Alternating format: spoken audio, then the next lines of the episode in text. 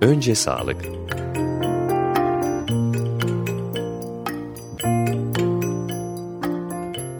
Sağlık konusunda olup bitenler, sevaplar, günahlar, etik olanlar ve olmayanlar. Hazırlayan ve sunanlar Betigül Öngen ve Selim Badur.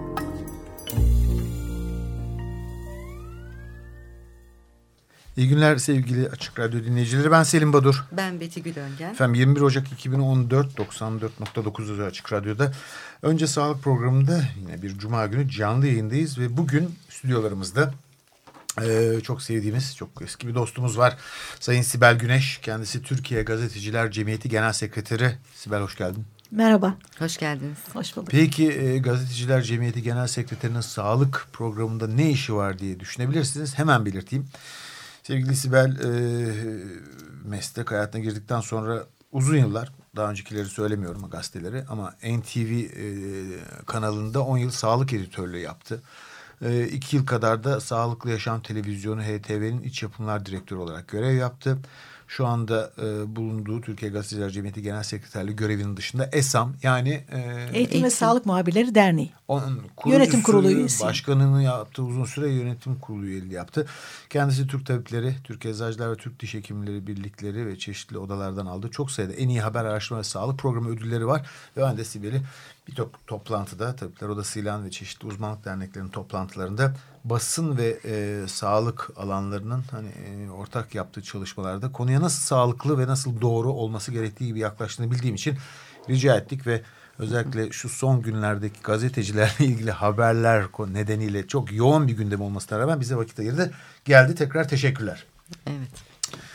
Nereden girelim? Bir, Sağlıkta Gündem isimli bir site var. Evet. Senin siten galiba. Evet.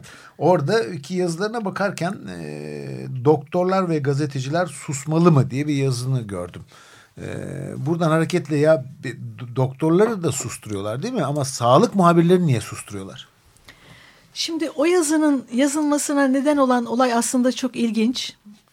Sağlık alanı hükümetin en önemli oy alanlarından birisi.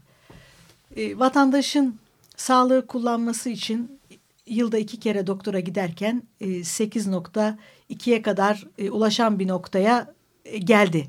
Vatandaş sağlığı daha sık kullanır hale geldi.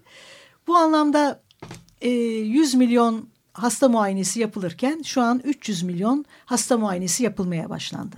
Bütün bunlar da doktorlar ve sağlık personelindeki %10 artışla sağlandı. Bu ne demek? E, sağlık personeli ve Türkiye'de bu işin emekçileri, doktorlar, hekimler, hemşireler e, ciddi bir baskı altındalar ve yoğun bir çalışma altındalar. Bu yoğun koşuşturma ve telaş içerisinde daha çok kamu yararını içeren ve e, vatandaşın hakkını ihlal eden haberler e, gündeme geldiği zaman bu önemli sağlıktaki gelişme sayılan durumla bu eleştirisel haberleri yan yana e, koyma konusunda bir sıkıntı oldu. Genel olarak iktidar sağlıkla ilgili olumsuz haberler yapılmasından e, mutlu değil. Çünkü bunun e, kendisinin en güçlü olduğu alanlardan bir alana saldırı olduğunu düşünüyor. Çok sık verdiğim bir e, örneği paylaşmak istiyorum. Mesela başbakanın bu konuya nasıl baktığını anlamak açısından da bu değerli. İstanbul'da her zaman yanık merkezi konusunda sıkıntı vardır. Nitekim iki bebek arka arkaya bundan 3-4 yıl önce yanık merkezi ararken hastane hastane dolaştı. Çok trajik olaylar da oldu. Bunlar tabii medya ile paylaşıldığında başbakanın bir açıklamasını hatırlıyorum. Neden bu konuları bu şekilde haberleştiriyorsunuz? Böyle bir problem olduğu zaman önce İl Sağlık Müdürünü arayacaksınız. O bu sorunu çözecek. Çözmezse bakanı arayacaksınız. O çözecek. Çözmezse beni arayacaksınız. Ben de çözmezsem o zaman haber yapacaksınız dedi. Ha. Şimdi bu bakış açısı gazeteciyi devlet memuru gibi görme bakış açısının bu ülkeye hiçbir katkısı yok. Bu aynı zamanda otoriter de bir bakış açısı. Yani sistem dışına çıktınız, bizim sözümüzü dinlemediniz, bu haberi niye yaptınız yaklaşımı sağlıklı bir e, yaklaşım değil. Gazeteciler ve hekimler susmalı mı noktasındaki paylaşacağım konu da şu. E, Hekim Hakları Derneği'nin e, hükümetin sağlık politikalarını desteklediği bir dönem oldu. Sonra Hekim Hakları Derneği'ni oluşturan önemli isimler e, hükümetin sağlık politikalarıyla da ters düştüler.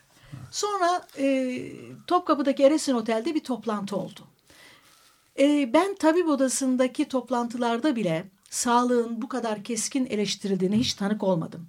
Bunu yapanlar bu hükümetin başhekimleriydi ve başhekimler şunları söylediler. Dediler ki e, bu ülkede AKP'li taşeronlar yüzünden sağlık taşeronlara teslim edilmiş durumda. Verdiğimiz hizmet kalitesi düştü. E, gereksiz ameliyatlarda performans, sağlıkta performans uygulaması nedeniyle yüzde otuz artış var dediler. Bu e, gerçekten önemli bir cümleydi ve orada bir kavga çıktı.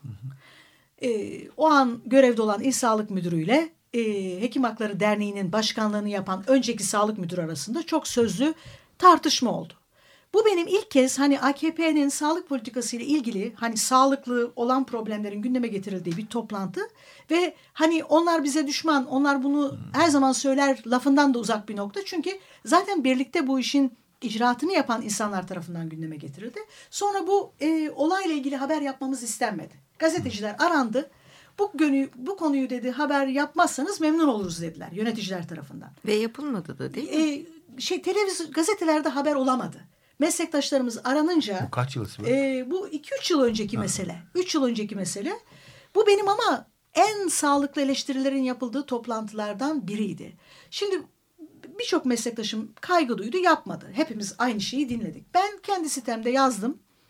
E, sitem aracılığıyla da birçok yerde paylaştım. Şimdi e, burada kamu yararı dediğimiz kavram e, halkın gerçekleri öğrenme, gerçeklerden haberdar olma hakkı. Gazeteci haberi kendi keyfi ya da e, hükümete düşmanlık olsun muhalefetin e, çok sevinsin diye yapmıyor. Gazetecilik mesleğinin temelini oluşturan kamu yararı.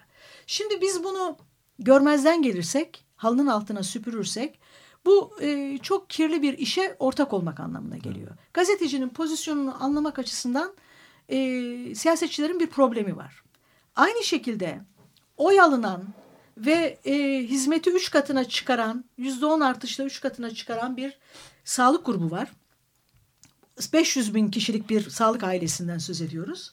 Şimdi sürekli bu insanların üzerinden oy alınırken e, bir yandan da gazet e, hekimlerin bu kadar e, susturulup hırpalanıyor olması sağlık personelinin büyük bir acımasızlık. Gazetecilikte bu e, yoğun e, sağlıkla ilgili müthiş bir dönüşümden söz edildiği noktada kendi gördüğü yanlışları söyleyip bunların düzeltilmesi için bir fırsat yaratılmasına olanak sağladığı halde gazetecilerin de bu anlamda sesinin kesilmeye çalışılıyor olması demokrasi dışı bir tutum. Bu e, e, doktorlar ve gazeteciler susmalı mı başlıklı yazında gazeteciler için soru sormak. Senin müdürün kim? Gazeten hangisi? Nasıl bu soruyu soruyorsun? Cezat nereden alıyorsun? Tepkileri. Böyle şeyler oldu demek. Evet. Şimdi genel olarak e, sağlıkta e, şimdi şu tip sorunlar ortaya çıktı. Hükümete yakın gazeteciler bazı bilgilere rahat ulaşırken hükümete e, yakın ya da uzak olmayıp kamu yararı adına habercilik yapan gazetecilere bilgi verilme konusunda sıkıntılar olmaya başladı. E, akreditasyonlar uygulanmaya başladı. Her toplantı her gazeteciye açık hale gelmemeye başladı.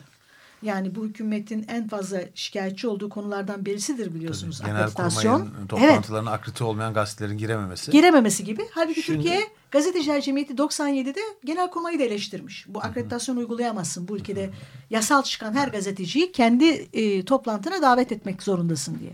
Ama aynı yaklaşım şimdi e, birçok toplantıda uygulanıyor. En son Milli Eğitim Bakanı Nabi Avcı'nın dershanelerle ilgili yaptığı bir toplantıya belirli medya kuruluşları e, da, e, takip e, davet edildi. Diğerleri görmezden gelindi. Önemli toplumsal olaylarda Reyhanlı'da TRT ve Anadolu Ajansı dışındaki her türlü yayın organına bir kapanma söz konusu. Bu e, halkın haber alma hakkını mesela sağlıkla ilgili Reyhanlı'da birçok olay oldu. O bir Tabii. patlama sadece bir terör olayı değil. Bu sağlık hizmetinin de başka bir tarafı ortaya çıkıyor. Bunu kapattığınız zaman onlar devlet kurumları Anadolu Ajansı ve TRT'yi e, bağımsız kuruluşlar gibi e, görmek bugünlerde çok büyük bir romantizm. yani bu e, yıllarca e, belki daha e, rahat hareket ettiler ama son dönemlerde meslektaşlarımızın büyük sıkıntıları var.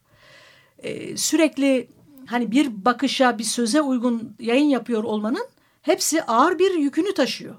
Yani belki hani iktidara yakın olan gazeteciler rahatsızlık duymuyor olabilir ama haberci olarak orada çalışan meslektaşlarımızın sıkıntıları var. Bu da haberin karartılması anlamına geliyor. Ben e, geçen programda da bir yine böyle işte hastanelere başvuran hasta sayıları ile ilgili olarak e, konu olduğunda yine bu itirazımı yapmıştım. Bilmiyorum siz ne düşüneceksiniz? Ben şöyle bir bakış açısı e, getirmeye çalışıyorum. Şimdi mesela demin de dediniz ya ben bir parantez açtım şimdi demin konuştuğumuz konu ya. Hani iki yılda iki defa hastaneye giderken şimdi yılda sekiz defa gidebiliyor ve vatandaşın hastaneye ulaşımı kolaylığından daha çok gidebilmesinden vesaire bahsediliyor ve bu bir sağlık politikası olarak e, hani sonuçları itibariyle de kullanılıyor. E, bunu biraz şöyle de görmek lazım. Şimdi biz hastanelerde bu işleyişin içinde olduğumuz için e, bir e, yani vatandaşın şunu çok iyi anlaması lazım. Daha çok hastaneye gidip daha çok hizmet mi görüyor acaba? Yoksa e, her gittiğinde örneğin rakam tam değil ama mesela 40 liralık 50 liralık bir e, paketi var. Ama o hasta o gün belki ona 150 liralık iş yapılacak bir de film çekilecek bir de şu tahlil yapılacak. O zaman deniyor ki şimdi bu 50 lira 40 lira neyse doldu. Siz 10 gün sonra anca gelebilirsiniz. O hasta gidiyor 10 gün sonra tekrar geliyor kalan tetkiklerini yapmak için. O nedenle ben bu yılda iki kere ve yılda sekize çıkmış oranlarının bir de bu e, bakıp açıdan e, incelenmesi gerektiğini düşünüyorum. Haklısınız. Ee, yani siz bilmiyorum hiç baktınız mı bu Elbette, açıdan? elbette baktık. Çünkü bizim haber yaparken de hep söylediğimiz şey şu. Şimdi gerçekten e, haberci olarak şunu söylemek zorundayım. Vatandaşın hekime kolay ulaşılır olmasının önemli bir gelişme olduğunu düşünüyorum. Vatandaş Kesinlikle. E, hastanelerin birleştirilmesinden birçok mağduriyet oldu. Onları da kabul ediyorum. Ama sonuçta baktığımızda hepsi devlete ait kurumlar ve e, insanların rahat ulaşılabilmesinin bir avantajı olduğunu düşünüyorum. Fakat rahat ulaşıldı da vatandaş sorununu tam olarak çözüyor mu sorusunu kocaman bir soru işareti olarak algılıyorum. Şimdi hep şu söyleniyor. Herkesin e, BT'si, röntgeni, aklınıza gelebilecek her türlü tetkiki tamam.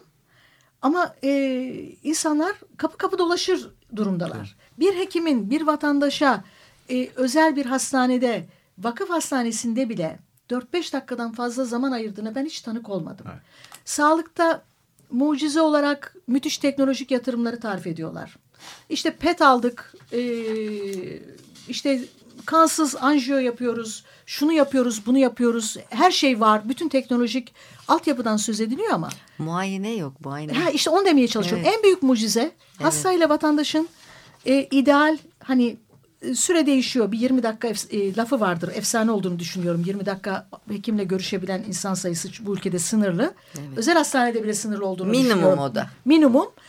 Bu sürenin mucize olduğunu düşünüyorum. Bir derdini anlatabilse e, hani e, sağlık okur yazarlığı açısından da Türkiye'de sıkıntılar var. Bunu mesela yetkililere, Sağlık Bakanlığı'na sorduğumuzda işte bir e, sağlık meslek örgütlerinin süresi 5-6 dakika diye tarif ediliyor. Bakanlık verdiği oran olarak 11 dakika olarak e, söylüyor ama bakanlık diyor ki işte e, laboratuvarda ona ayrılan süre, röntgende ona ayrılan süre, danışmada ayrılan süre onları da e, kattığınız zaman o zaman başka bir e, ucube durum ortaya çıkıyor. Yani hani o zamanın darlığını ortadan kaldırmak için böyle geniş bir e, zaman alan diğer işlemleri de içine katan bir yaklaşım var. Ben e, bu konuda gerçekten kaygınızı paylaşıyorum.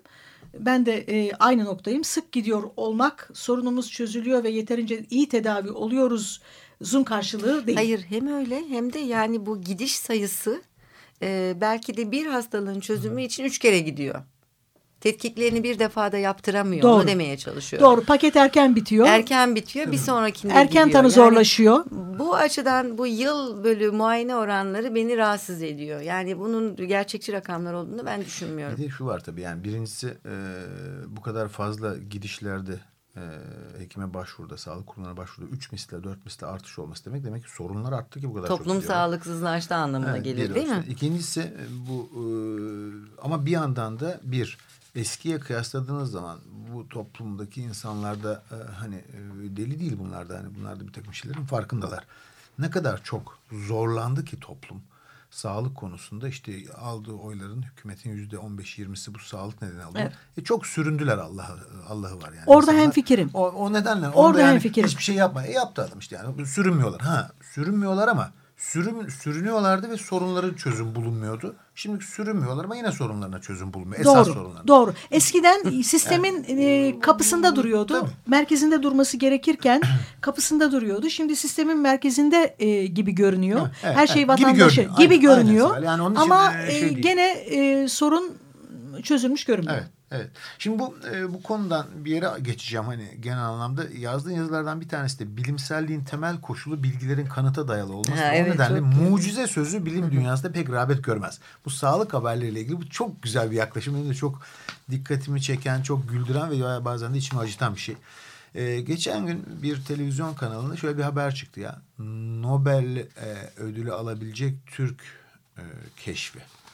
Benim de görev yaptım. Betty Gül'le beraber çalıştığımız İstanbul Tıp Fakültesi Kardiyoloji bölümünde bir farklı bir protokol uygulanmış kardiyolojide kalp hastaları için. Bunun e, Nobel ödülüne layık görmüş bunu Türk televizyonları.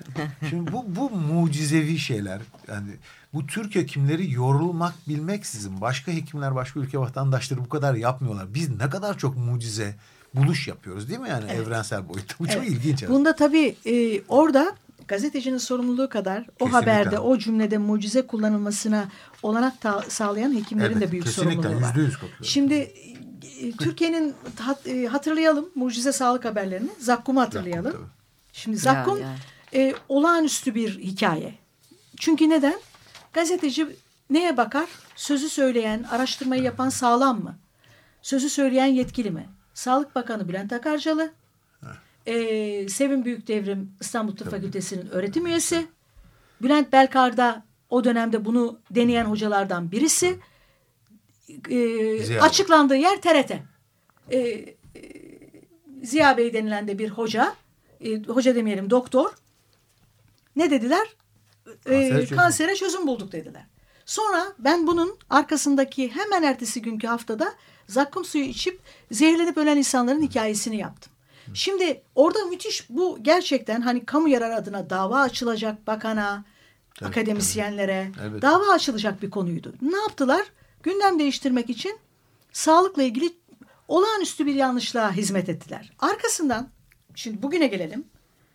Birdenbire e, her kürtaj bir ulu deredir diye bir başka noktaya geldik.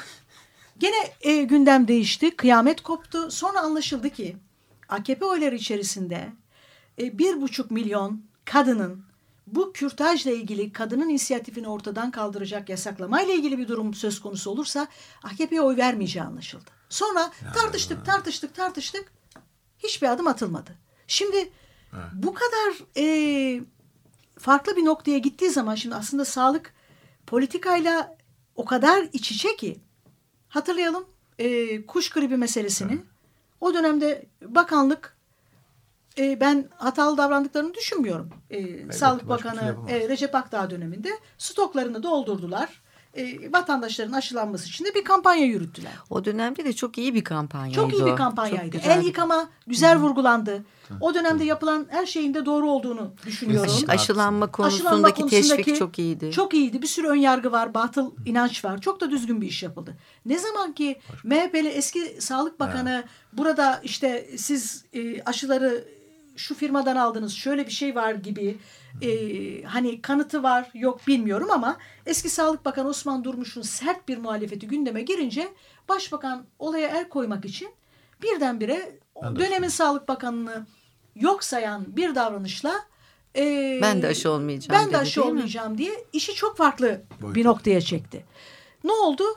E, sonuca bakarsak e, o dönemdeki rakamları hatırlamaya çalışıyorum ama aşı olması gerekirken aşı olmadığı için ölen 657 hamileler oldu değil mi? 657 kişi öldü. 657 Yaklaşık kişi 50 öldü. küsur da hamile falan. Evet 50 küsurda en iyi o Evet, bir evet. rakamı bilecek olan kişi sizsiniz.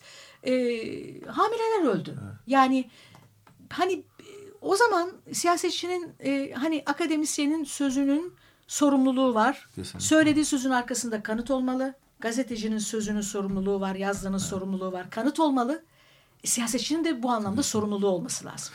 Peki bir müzik arası e, daha sonra bu keyifli e, söyleşimizi sürdürürüz. Üç tane e, kadın sanatçı, vokalist bugün programda.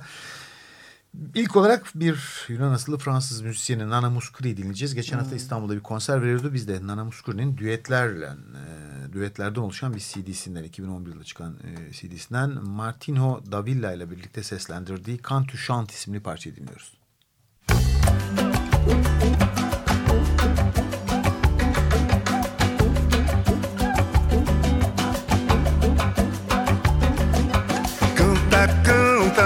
gente, deixa a tristeza pra lá. Quand tu chantes, quand tu chantes, quand tu chantes, ça va. Tu chantes, ça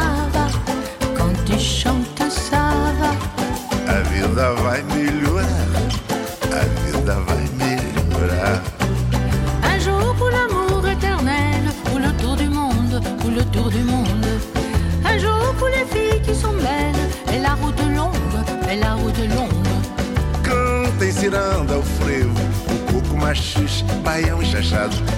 Mas não cante esta moça bonita, porque ela está com o marido do lado. Canta, canta, minha gente, deixa a tristeza pra lá.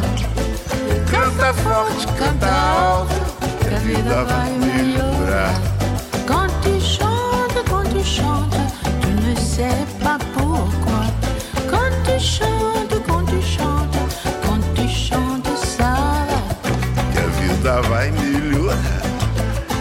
A vida vai melhorar.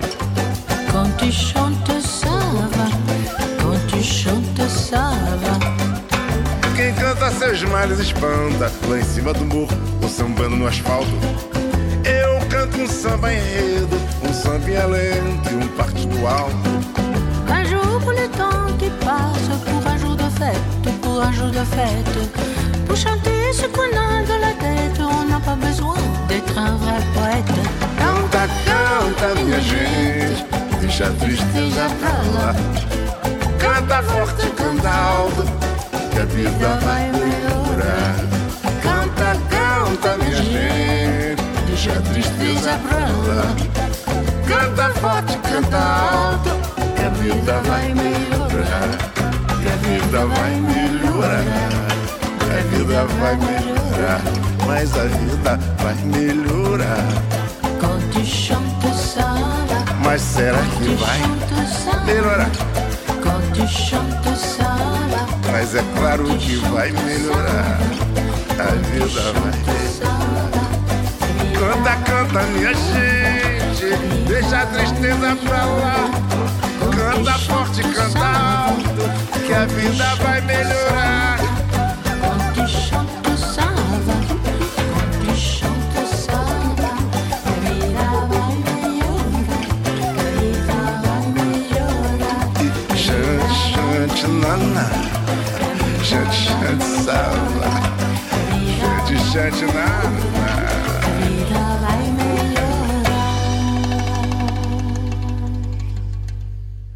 ...21 Ocak 2014 94.9 Açık Radyo'dayız. Önce sağlık programında canlı yayında Türkiye Gazeteciler Cemiyeti Genel Sekreteri ve bunun dışında birçok başka e, görevi, özelliği de olan sevgili Sibel Güneş'te söyleşimizi sürdürüyoruz. Nerede kaldık Betül? Ne soracaksın? Ee, şeyde kaldık yani hani e, işte zakkum dedik kansere çare, mucize yöntemler vesaire oradan girince e, yine bu sizin yazılarınızdan yola çıkarak e, orada dikkatimi çekmişti. Bir sağlık haberciliğinde risk yönetimi mi o evet. tam olarak yani evet, ifadesi. Aynen. aynen. Çünkü, tam olarak bu nedir yani risk yönetimi? Şimdi haberin gazetede yer alması için bir beklenti var. Vatandaşı müşteri olarak kabul ederseniz müşterinin mutlu olacağı şey somut bir veriye ihtiyaç var. O haberin o vatandaşın hayatına somut bir katkısı olması gerekiyor. Bu genel olarak bütün haberlerde bu baskı var. Bunun getirdiği baskı ve sıkışmışlık gazetecileri ve e, gazeteleri, televizyonları bir konunun işte ya mucizeye neden oluyor ya da kansere neden oluyor gibi iki aşırı uçun aşırı kullanılmasına neden oluyor. Halbuki hayat böyle akmıyor. Hayatta böyle mucizeler yok. Tıp uzun soluklu bir maraton. Mucizelere e, belki hani 50 yılda 25 yılda bir denk geliniyor. O kadar olağanüstü ilaçların keşfedildiğine tanık olmuyoruz. E, belirli Doğru. ağrıları kesen ilaçlar var ama tedavi eden ilaçlar yok. Yani ağrımızın kesilmiş olmasıyla mutlu oluyoruz. E, son kanser haftasını hatırlıyorum. Kanser gününü hatırlıyorum. E, kanser gününde birçok e, haber yaptım. Gene orada bir e, mucize yok. Çünkü kanser yüzlerce hastalık. E, tek bir hastalık değil. Her bir hastalığa karşı geliştirilen aşı var, aşı var. Aşı daha doğrusu aşı yok ama ilaç var. İlaçlara karşı da kanser direnç geliştiriyor. Bu bitmeyen e, Bağışıklık belki savaşı. 50 yıl sonra bir bağışıklık e, savaşı olarak devam edecek. Şimdi gazeteciyi bu noktada konumlandırıp akademisyen gazeteciyi kullanırsa, gazeteci haberi yanlış yaparsa sonuçta şu noktaya geliyoruz. Vatandaş açısından baktığımda kardeşim mucize diyorlar. Mucize olan bir şey yok. Kansere her şey kansere neden oluyor. Sonra keyfimize bakalım bir sigara daha yakalım duyarsızlığına getiriyorsunuz. Bu bir teflon e, stratejisine dönüşüyor. Hiçbir şey leke tutmamaya başlıyor. Vatandaşın bilgi de tutmamaya başlıyor. Yani halbuki söylediğimiz sözün, akademisyenin tavrının hayata bir katkısı olması lazım. Bir davranış değişikliğine neden olmalıyız. Ama Vatandaş tabii açısından doğru davranış doğru davranış değişikliğine ihtiyacımız var. Bunun için de bizim risk yönetimini haberlerde düzgün yapmamız lazım. Ve e, sistemin argümanları, sistemi besleyen büyük ilaç şirketleri, büyük hastaneler, akademisyenleri destekleyen yapılar, gazetecinin müthiş haber patlatayım e, iştahı hepsi bir araya gelince hata yapmak çok, kolay hale geliyor. Çok doğru, Burada tanımladın ya. evet e, yani bunun getirdiği heyecan ve telaş e, bir mucize olmadığı duygusunu ortadan kaldırıyor. E, müthiş bir atraksiyon varmış gibi bir telaş var. Şimdi hatırlayın bazı önemli e, antirematizmal ilaçlar gündeme gelmişti. İşte müthiş bu ilaçlar her türlü ağrıyı kesiyor. İşte antiromatizmal ilaçlar yan etkileri de yok denildi. Haberleri yapıldı.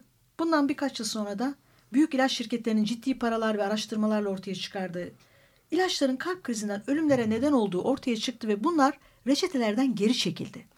Yani bu heyecan ve telaşa kapılmamamız gerekiyor. Hani e, doktorların hep söylediği bir şey var. Çocuklara önerilen 10 yıldır kullanılan güvenli ağrı kesiciler var. Yani eski ilaçları kullanın, bildiğiniz yan etkileri e, olan ilaçları kullanın. Temkinli gitmekte yarar var. Bir de mesela şöyle e, şeyler de oluyor değil mi? Mesela belli bir tedavi altında hasta. Gazetede şöyle bir haber çıkıyor. İşte şunun şunun kullanılması kansere yol açıyor. Halbuki o konuda e, bilim dünyası ikiye ayrılmış durumda. Mesela hani şey e, hormon kullanımı gibi. Yarısı diyor ki kullan bir şey olmaz. Yarısı diyor ki hayır kullanma. Şimdi o zaman gazeteci bunun bir tarafını ele alıp yayınladığı zaman e, gerçekten büyük risk. Bir Ee, örnek vereyim. Kolesterol ilaçlarını konuşalım. Kolesterol ilaçları işte konunun uzmanı olan olmayan herkesin bir şey söylediği konu haline geldi. Bir e, kuyu haline geldi. Herkes bir taş attı. Bir yaklaşım e, popüler e, bazı hekimler bu konuda kitap yazan hekimler dediler ki bunların hiçbir yararı yok. İstediğiniz gibi yiyin için e, sadece işte ekmek tüketmeyine odakladı bu işi. Burada gerçek anlamda işte Türk Kardiyoloji Derneği başta olmak üzere birçok hani akademisyenin içerisinde olduğu kurumların söyledikleri yeterince duyulmadı. Hatta bir kıskançlık, ötekilerin halkın yararına söylediğini kabul etmemek gibi tuhaf bir noktaya çekildi. Halbuki kolesterol ilaçlarının kalp damar hastalığı kanıtlanmış, bypass geçirmiş hastalarda tartışılmaz yararı var. Damarın tekrar tıkanmasını önlüyor. Şimdi konuşan insanların, göğüs hastalıkları uzmanları da bu konuda konuşuyor. Herkes konuşuyor. Şimdi o zaman tıpta uzmanlığı savunan insanların uzmanı olmadığı bir alanda konuşuyor olmasının biraz ayıbını yaşaması Tabii, lazım. kesinlikle. Şimdi ben bir gazeteci olarak sağlıkta 25 yılı aşkın zamandır haber yapıyorum. Sağlıkta herhangi bir konuda bir e, hekimin verebileceği bilgiyi verebilecek durumdayım. Dersimi de iyi çalışarak. Ama haddimi bilen bir haberciyim. Kullandığım her sağlıkla ilgili bilginin e, mutlaka eğer o konuyu bilgiyi kimden aldıysam akademisyen işte Profesör Doktor Selim Badrun verdiği bilgiye göre diye söylemek zorundayım. Bilgi sağlam bir referansa ihtiyaç duyuyor. Şimdi bu kadar herkesin serbest atış yaptığı yerde bir sürü insan ilacını kesti. Evet, evet. Bir de tabii eskiden başka bir e, noktaya taşıyacağım işi ama Eskiden aktarlar vardı. Televizyon televizyon gezerlerdi. Şimdi profesörler televizyon televizyon geziyorlar. Bu müthiş kirli bir oyun.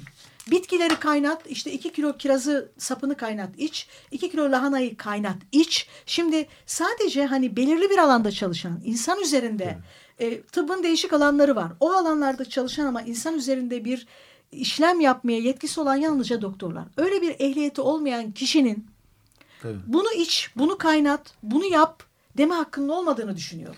Şimdi biraz önce Bitigül hani e, farklı görüşlerde olan insanlar dedin. Tabii bu aslında belki bu yaklaşımı da çok özenle e, gerçekleştirmesi, hayata geçirmesi lazım. Çünkü bilmiyorum Sibel ne diyeceksin ama e, şimdi atıyorum A hastalığına karşı aşı yapılsın mı? Yani televizyonundaki sağlık çalışanının görevi e, bir e, olumlu bakan bir olumsuz bakan iki insanı karşı görüşü bir araya getirip dövüştürmek ve onların birbirleriyle atışmasını bazen ağızlarından köpükler saçarak atışmalarını hani böyle bir maç seyreder gibi bir e, işte sıradan bir bilmem ne haberini izliyormuş gibi böyle ciddi bir sağlık konusunu böyle bu kadar magazinselleştirmek bu kadar sansasyonelleştirmek sansasyonelleştirmek doğru değil herhalde. Evet doğru değil. Ama e, dediğine çok katılıyorum. Uzmanlık yani herhalde e, bilmem ne dersiniz ama e, sağlık çalışanlarının, sağlık muhabirlerinin belki görevlerinden bir tanesi de A konusundaki en doğru bilgiyi, en birikimi olan kişiyi seçme konusunda titiz olması lazım herhalde. De- Verdiği Doğru. gibi bir göğüs hastalıkları uzmanı çıkıyor. İşte kadın doğumdaki kürtaj konusundan o anda Türkiye'de e, gündemde ne varsa sağlıkla ilgili aşı, kolesterol, işte kürtaj, sezeryan her konuda konuşuyor. Şimdi bu bir tuhaf bir şey. Yani e, Ve bu kişiler aynı zamanda sağlık muhabirlerinin de haber yapma konusunda yeterli olmadığını düşünüyorlar. Evet, Şimdi bu bir şaka gibi bir durum. Biz e, bizim görevimiz nedir? En iyi e, bilgiyi en iyi verecek olan, en doğru verecek olan kişiden alıp Tabii. halka iletmek. Bizim pozisyonumuz bu. Şimdi burada zaten işimizi iyi yapmıyor olsak iyi insana, iyi bilgiye ulaşma şansımız yok. Ama gerçekten e, her alanda şimdi e, dindeki bağnazlıktan söz ediyoruz. Tıpta da bir bağnazlık var kesinlikle e, müthiş bir e, insan kullanılıyor. Yani bir popülerizmden nasiplenmek, herkes kendi ismini büyütme telaşına tabii. düşmüş. Olan gene hastayı oluyor. Yani bunu söyleyen, işte gazetecileri eleştiren, kendi meslektaşlarını eleştiren, uzman olmadığı konuda olan konuşan insanların e, ciddi bir sorumluluğu var. Burada tabii hep şunu söylüyoruz. Uzmanlık dernekleri geçmişte daha temkinli yaklaşıp sert çıkışlar yapamıyordu. Şimdi daha e, net sözler söylemeye ihtiyaç var. Şimdi belki hani bir konu tartışmalıysa ben kendi açımdan söylüyorum. Eğer bilimsel bir kanıt varsa hani bazı konular gerçekten böyle e, bir e, özel bir çizgide kalabiliyor. Bilimsel kanıtı koyabilecek iki hekimi yan yana koyduğunuzda belki o zaman diyecek ki vatandaş kardeşim benim durumum ayrıca özellikli. Bu iki bilgi de birbirine yakın, yararlı ya da zararlı. Ben iyi bir iş hastalıkları uzmanı ya da aile hekimime gideyim, danışayım, kendi özel durumuma göre buna karar vereyim diyecek. Ama tartışmada bunlar konuşulmuyor ki. Bilimsel kanıt hiç yok.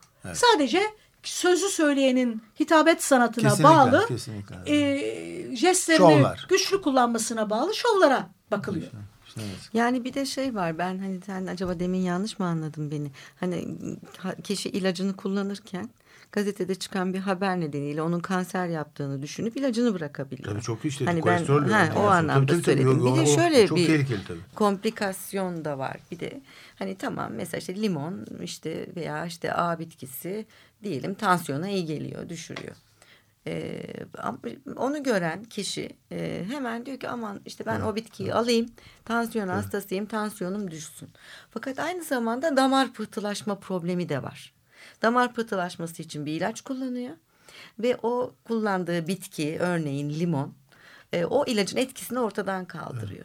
Dolayısıyla yani ben gazetede şu şuna iyi geliyor, bu buna iyi geliyor gibi e, haberlerin olmasını çok e, doğru bulmuyorum. Çünkü ancak hekimiyle beraber o e, başka ilaçlarda kullanıyorsa birbirleriyle olan etkileşimlerini de gözetmek zorunda ve kendi kendine o bitkileri kullanmamasını sağlamak lazım. Şunu hatırlıyorum ben karaciğer hastalıkları ile ilgili bir toplantıyı hatırlıyorum. Her iki karaciğer hastasından birinin hekimine danışmadan başta enginar özü, Evet, özütü olmak üzere enginar. hepsini kullandığını biliyoruz.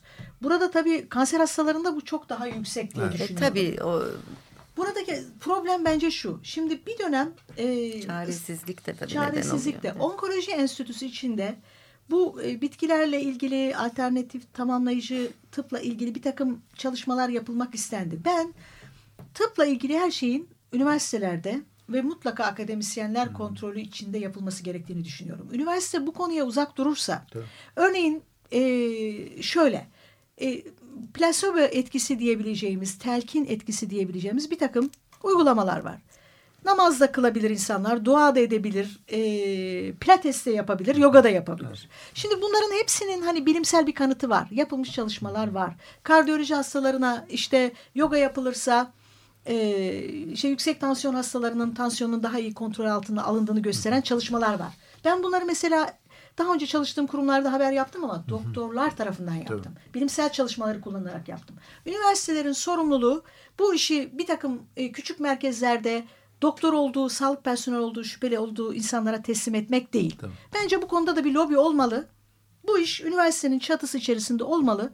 Reçeteye yazılacaksa da vatandaşa şunların şunların şöyle bir etkisi var e, tercih eder misiniz diye de sunulması lazım. Peki bir müzik arası da e, bu kez La isimli bir müzisyen dinleyeceğiz. Hatırlar mısınız bilmiyorum. Geçen sene Mujeres de Agua diye bir konser var vardı. Bayanlar bir dizi konser vermişlerdi İstanbul'da da. O dönem galiba e, doğuda, güneydoğuda bir sorunlar yaşanıyordu. insanlar ölüyordu ve e, Aynur da o konserde e, yer alan, sahne alan sanatçılardan biriydi. Çok tepki aldı. Bir 10-15 kişi 10. yıl marşı okumaya falan başladılar. Aynur Kürtçe parça söylüyor diye. Öyle olayların yaşandığı konserin içinde burada da sahne alan bir sanatçı La Chica. Ondan Aqua Misteriosa isimli parçayı dinliyoruz.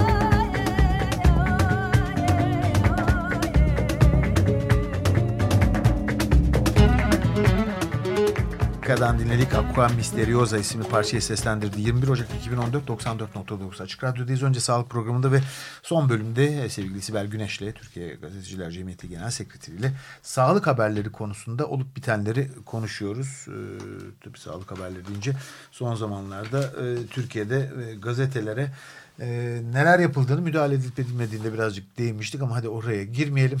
Herkes konuşuyor o konuda. Biz Betty Gül'ün sorusuyla herhalde programın son Çok da az gireceğiz. zaman kaldı. Evet. Aslında bir iki tane soru da oluştu kafamda. Birincisi bu e, sağlıkla ilgili reklamları size sormak istiyorum. Yani bu tür reklamlarda e, belli bir şeyin reklamını yapmanın mesela bir cezası yok mu? Suç teşkil etmiyor mu? Ya da bu konuya nasıl bakıyorsunuz? Cezası var. E, sağlıkta reklamların ciddi cezası var. Tabii benim asıl vurgulamak istediğim buradaki e, sistemi şöyle işlediğini görüyoruz. Şimdi eğer e, bir konunun reklamının sağlıkta yapılarak 1 milyon lira para kazanılacağı düşünülüyorsa e, 100 bin lira gibi bir para cezası göze alınıyor. Ha, Bu bir standart uygulama. Gözle ilgili yapılan kampanyalarda, belirli ameliyatlarda, işte Ramazan indirimimiz var, e, safra kesesi ameliyatına, bel fıtığı ameliyatına bekleriz gibi cümleleri televizyon kanallarında akademisyenlerin de söylediğine çok tanık Evet, oldum. evet, Birincisi hastanelerin gönüllü olarak bir stratejiyle belirlediği cezası belli reklamların yapılması. İkincisi her e, sağlıkta reklam haber diyebileceğimiz bazen bilinçli bazen bilinçsiz yapılan haberler belirli bir ameliyatın olağanüstü sonuçları olduğu ve ertesi gün ondan tamamen kurtulanacağı, kurtulunacağına dair bir rivayet ya da bir telkin. Bu müthiş yanlış, kirli bir durum. Bir insanın e, bırakın e, sivilce tedavisinin ya da apse tedavisinin bile müdahalenin bile öngörülmeyen çok farklı sonuçları olabilir. Bunu e, söyleyecek kadar hiç kimsenin cesur olmaması gerektiğini düşünüyorum. Sağlıktaki e, reklamlar konusunda hani o sözü söyleyen o reklamı yapan özel sağlık kuruluşları ağırlıklı daha fazla bu konu e, gündemde. Akademisyenlerin ya da doktorların bu işe alet olması da üzücü. Çünkü güvenilirlik dediğimiz bir kavramın altını boşaltıyorlar. Çünkü bu alanda uzun soluklu çalışacaksınız. Yatırımınız büyük. Şimdi sürekli bir e, mucize, sürekli olağanüstü işler yapıyoruz. Bugün E, ameliyat ediyorum, yarın e, Denize tatile çık. girebilirsin gibi bir yaklaşım asla doğru değil. O ne? Cumartesi sünnet, pazartesi kitap. Aynen öyle. Aynen öyle. Aynen öyle. Yani sünnetin nelere hatalı bir sünnetin nedene neden nelere neden olabileceğini e, hatırlarsak biraz o konuda temkinli gitmekte yarar var. Yani o zaman sağlık alanındaki reklamın kendisini tartışmak lazım değil mi? Evet. Varlığını tartışmak Varlığını lazım. tartışmak lazım. Bilgilendirmenin esas olarak ön planda olması lazım. Belirli bir konuda çok iyi olabilirsiniz ama iyi olduğunuzu söylerken de tüm riskleri söyleme sorumluluğunuz var. Bizim haberci olarak da yapmamız gereken şu. Şunu örnek vereceğim. Bitmeyen bir e, miyop ameliyatları hikayesi var. Her yıl bir miyopta olağanüstü ameliyat yöntemi geliştiriliyor. O yeni yöntemi, muhteşem yöntemi anlatan doktorlar bir yıl sonra onun ne kadar olumsuz olduğunu ve yeni bir yöntem daha geliştirildiğini anlatıyorlar. Şimdi oradaki sorumluluğumuz ne? Böyle bir yöntem geliştirildi ama şu şu şu konuda riskleri olabilir cümlesini aynı paragraf içinde kurma sorumluluğumuz var. Cümlenin ya da haberin sonuna atmak, az görülür hale getirmeme sorumluluğumuz var. Oradaki yeniliği tüm riskleriyle birinci paragrafta sunma sorumluluğumuz var.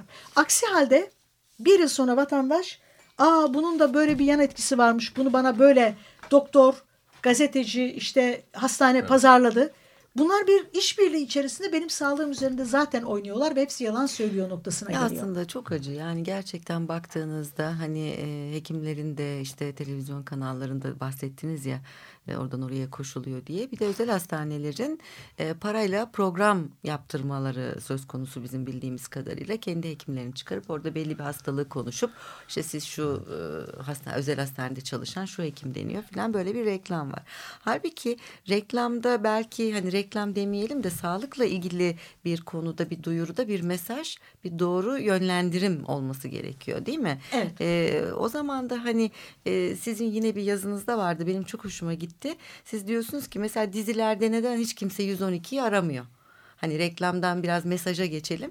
Aa, çok hoşuma gitti benim. Çok Hakikaten doğru yani böyle yabancı filmlere baktığınızda küçücük çocuk bile hemen arar. 911 arıyor. 911 bakın biz bile biliyoruz Evet, yani 911 911'in Amerika'da arandığını. Çocuklara herhalde isminden sonra e, öğretilen, kendi telefon numarasından sonra Ben öğretilen ikinci Bunu numara. çok vu- vurgulamak lazım diye düşünüyorum. Evet. Çok doğru. Şimdi dizi filmlerde e, biliyorsunuz insanlar e, bir e, dizi boyunca aklınıza geleme, geldik gelmedik her türlü hastalığa yakalanıyor. E, başına da her türlü felaket geliyor. Heyecanı ve e, izleyici e, ilgisini yoğun tutmak için. Fakat bakıyorsunuz kaza oluyor, insanlar ağlıyor, müthiş bir trajedi yaşanıyor. E, hiçbir e, dizide bir ambulansla e, işte bir hemen e, 112'yi arıyorum e, mesajının verildiğine tanık olmadım. Tabii sanatçılar açısından böyle bir sorumluluğumuz yok. E, biz bu işin bu noktasında değiliz. İnsanı ne kadar ağlatırsak reytingimiz o kadar yüksek deme rahatlığında da olamazlar. Çünkü yani dizinin e, tutarlılık ilişkisi açısından da hayatla örtüşmesi lazım. Eğer şimdi bir sürü e, hükümetin, iktidarın e, talepleriyle gizli, dizilerde birçok yönlendirme yapılıyor. En çok yapılması gereken şey bu. Çünkü biliyorum ki e, örneğin e, Çapa'ya e, hastaların e, yüzde sekseninin taksiyle geldiğini biliyorum. Şimdi e, acil hastasının taksiye bindirilip götürmesinin yaratacağı sonuçla 112'nin hemen aranıp e, kapı kapı dolaştırmayı engelleyecek bir müdahalede bulunmasını sağlamak arasında ciddi bir fark var. Diziler ha- gerçek hayatla çok uyuşuyor. Bir dönem bütün İstanbul'da kar yağıyordu. Bütün dizilerde kar yağıyordu. Yani gerçek hayatla çok uyuyor. En azından mevsimsel dekor açısından mevsimsel tutarlılık var. dekor çok tutarlı. Son olarak e, birkaç dakikamız kaldı. Orada da size e, bulmuşken şunu soralım.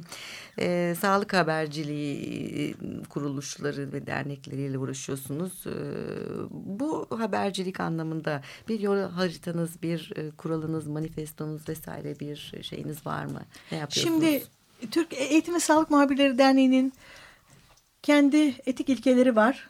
E, haberciliğin genel etik ilkeleri var. Yani hasta ve sağlık personelinin e, haklarını ihlal etmemek, mahremiyet hakkını ihlal etmemek, sağlıkla ilgili e, haber yaparken hekimin onayını almak, hastanın onamını almak gibi e, birçok sorumluluğumuz var. Birincisi bu. Türkiye Gazetecileri Hak ve Sorumluluk Bildirgesi var. Türkiye'deki bütün gazetecilik meslek örgütlerinin arkasında durduğu bir bildirgedir. Ve hani mahkemelerde davalar buna dayanarak açılıyor. Bize başvurular, cemiyete başvurular buna dayanarak e, yapılıyor. Bunun da bir sağlık başlığı var. Geniş bir başlık ama e, mucizeye diye tarif edilecek vatandaşın duygusu istimaline neden olmamak, işte hastanın fotoğrafını izinsiz çekmemek, bilgisi dışında haber yapmamak, hastanede tedavi yapılan ortama izinsiz girmemek gibi birçok başlığı içeriyor. Biz bunların önemli olduğunu düşünüyoruz. Bu bilgiyi yaymak için de ne yapıyoruz derseniz, e, Eğitim ve Sağlık Muhabirleri Derneği Yönetim Kurulu üyesi olduğum dernek meslek içi bilgilendirme seminerleri yapıyor. Gazetecilerin bilgilerini güncelliyor. Türkiye Gazetecileri Türkiye e, Gazeteciler Cemiyeti 3700 üyesi olan bir meslek örgütü. Türkiye genelinde her yıl 5 seminer yapıyor. E, bu 5 seminerde yaklaşık 200 gazeteciyi topluyor. Her seminerde 200 gazeteci yılda 1000 gazeteciye ulaşıyoruz Türkiye'nin değişik illeri. Geçen yıl örnek vereyim. İşte Yüksekova'da yaptık, e, Bandırma'da yaptık, Eskişehir'de yaptık. E, bir e, toplantıyı İstanbul'da yaptık, Antep'te yaptık. Buralara çevre illerden de gazetecileri çağırıyoruz. Zaten e, bir oturum sadece etik. E, neyi haber yaparsanız etik ilkeleri aşarsınız. Bu yerel gazeteciler. Yerel gazeteciler. oralar. Çünkü onların e, bu anlamda bilgilendirilmesi çok Tabii, önemli. tabii. Zaten zor şartlarda iş yapıyorlar. Sağlıktan, eğitimden, politikadan, çevreden hepsinden sorumlular. Ve bir de tabii hukuksal boyutunu yan yana koyuyoruz. Yani Sonrası- özelleşmiş de olamıyorlar. Özelleşmiş de olamıyorlar ama genel bilgi- bilgileri paylaşıyoruz.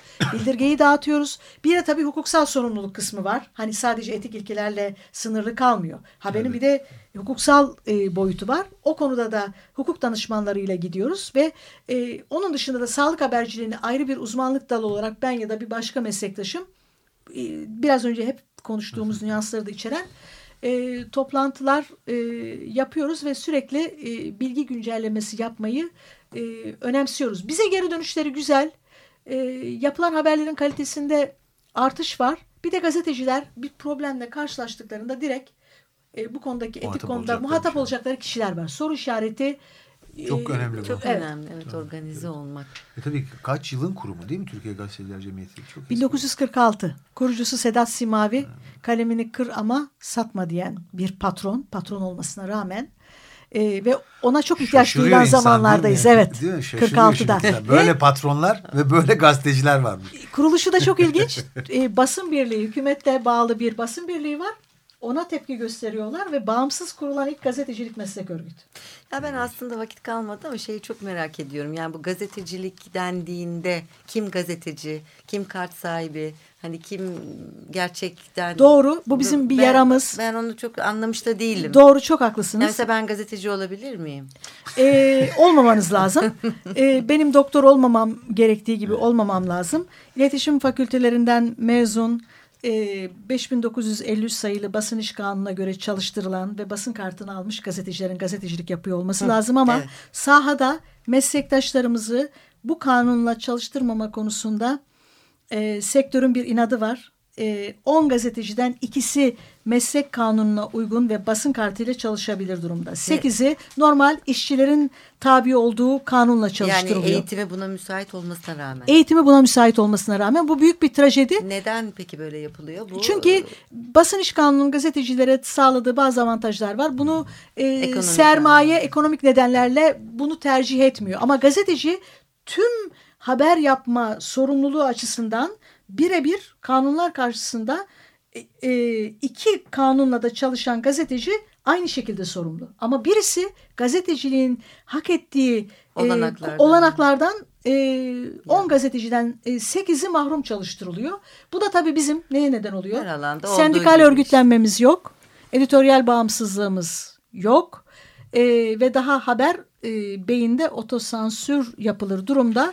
Biz e, iktidarın baskısıyla e, patronların baskısı altında Araf'ta e, gazetecilik yapmaya mecbur edilmiş görünüyoruz.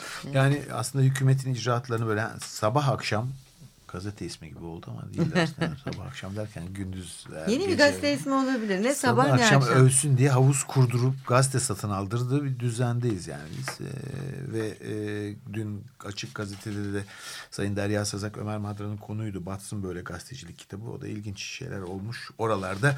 Biz yine de sağlık e, kısmında kalalım gazeteciliğin ama işiniz zor. Ha bizim de zor üniversite çalışanları olarak sizin de zor. Ama galiba. umutluyuz. Öyle mi? Peki. Peki. Peki Sibel çok teşekkürler. Ben teşekkür Vakitlerim ederim. kapadı. Çok keyifliydi senden. Dinleyicilerimize sevgi ve çok- saygıyla selamlıyorum. Sağ olun katıldığınız için çok çok teşekkür ediyorum. Şimdi size bir parça çalacağım. Geçen hafta Bodrum'da hastaneye kaldırıldı. 96 yaşında bir müzisyen Müzeyyen Müzeyyen Senar. Senar. Gelin programı Farfara isimli Muhteşem programımız. bir tercih. Çok çok çok. Program iyi hafta sonları efendim. Farfara'ya sağlığı da iyiymiş. İyi hafta Peki, sonları. İyi hafta sonları. İyi hafta sonları.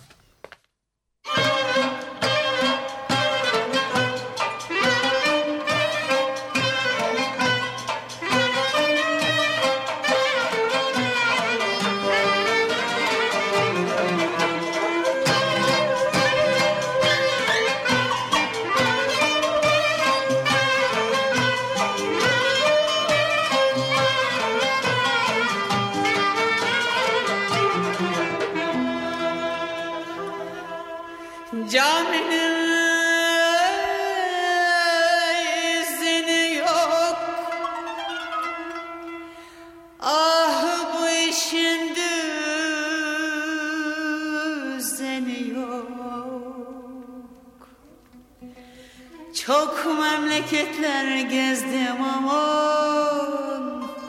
Buradan güzeli yok Oy farfara farfara Ateş düştü şanlara Ağzım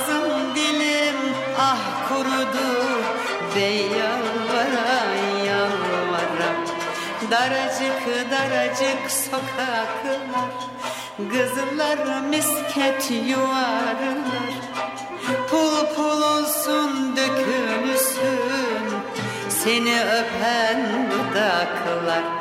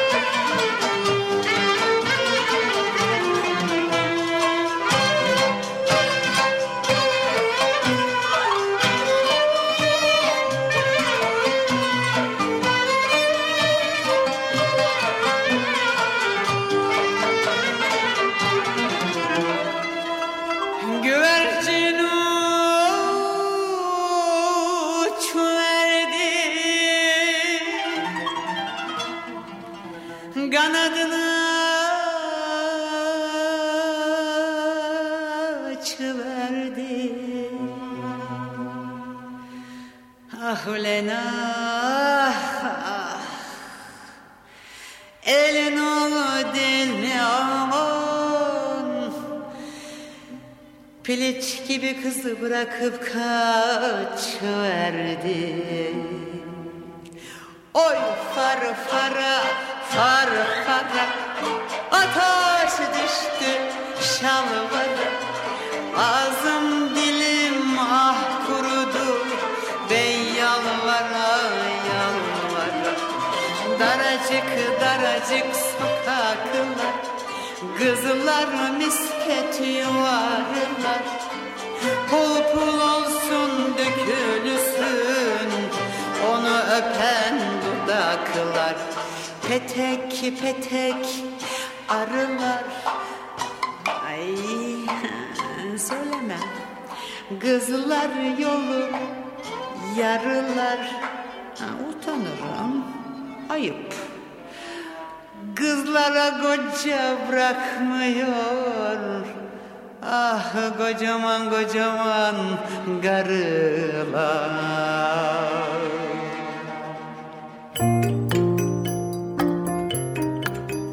Önce sağlık.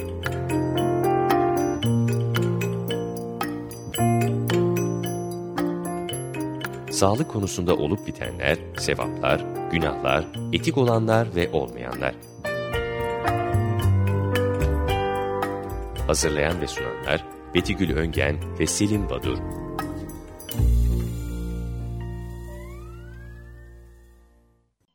Açık Radyo program destekçisi olun. Bir veya daha fazla programa destek olmak için 212 alan koduyla 343 41 41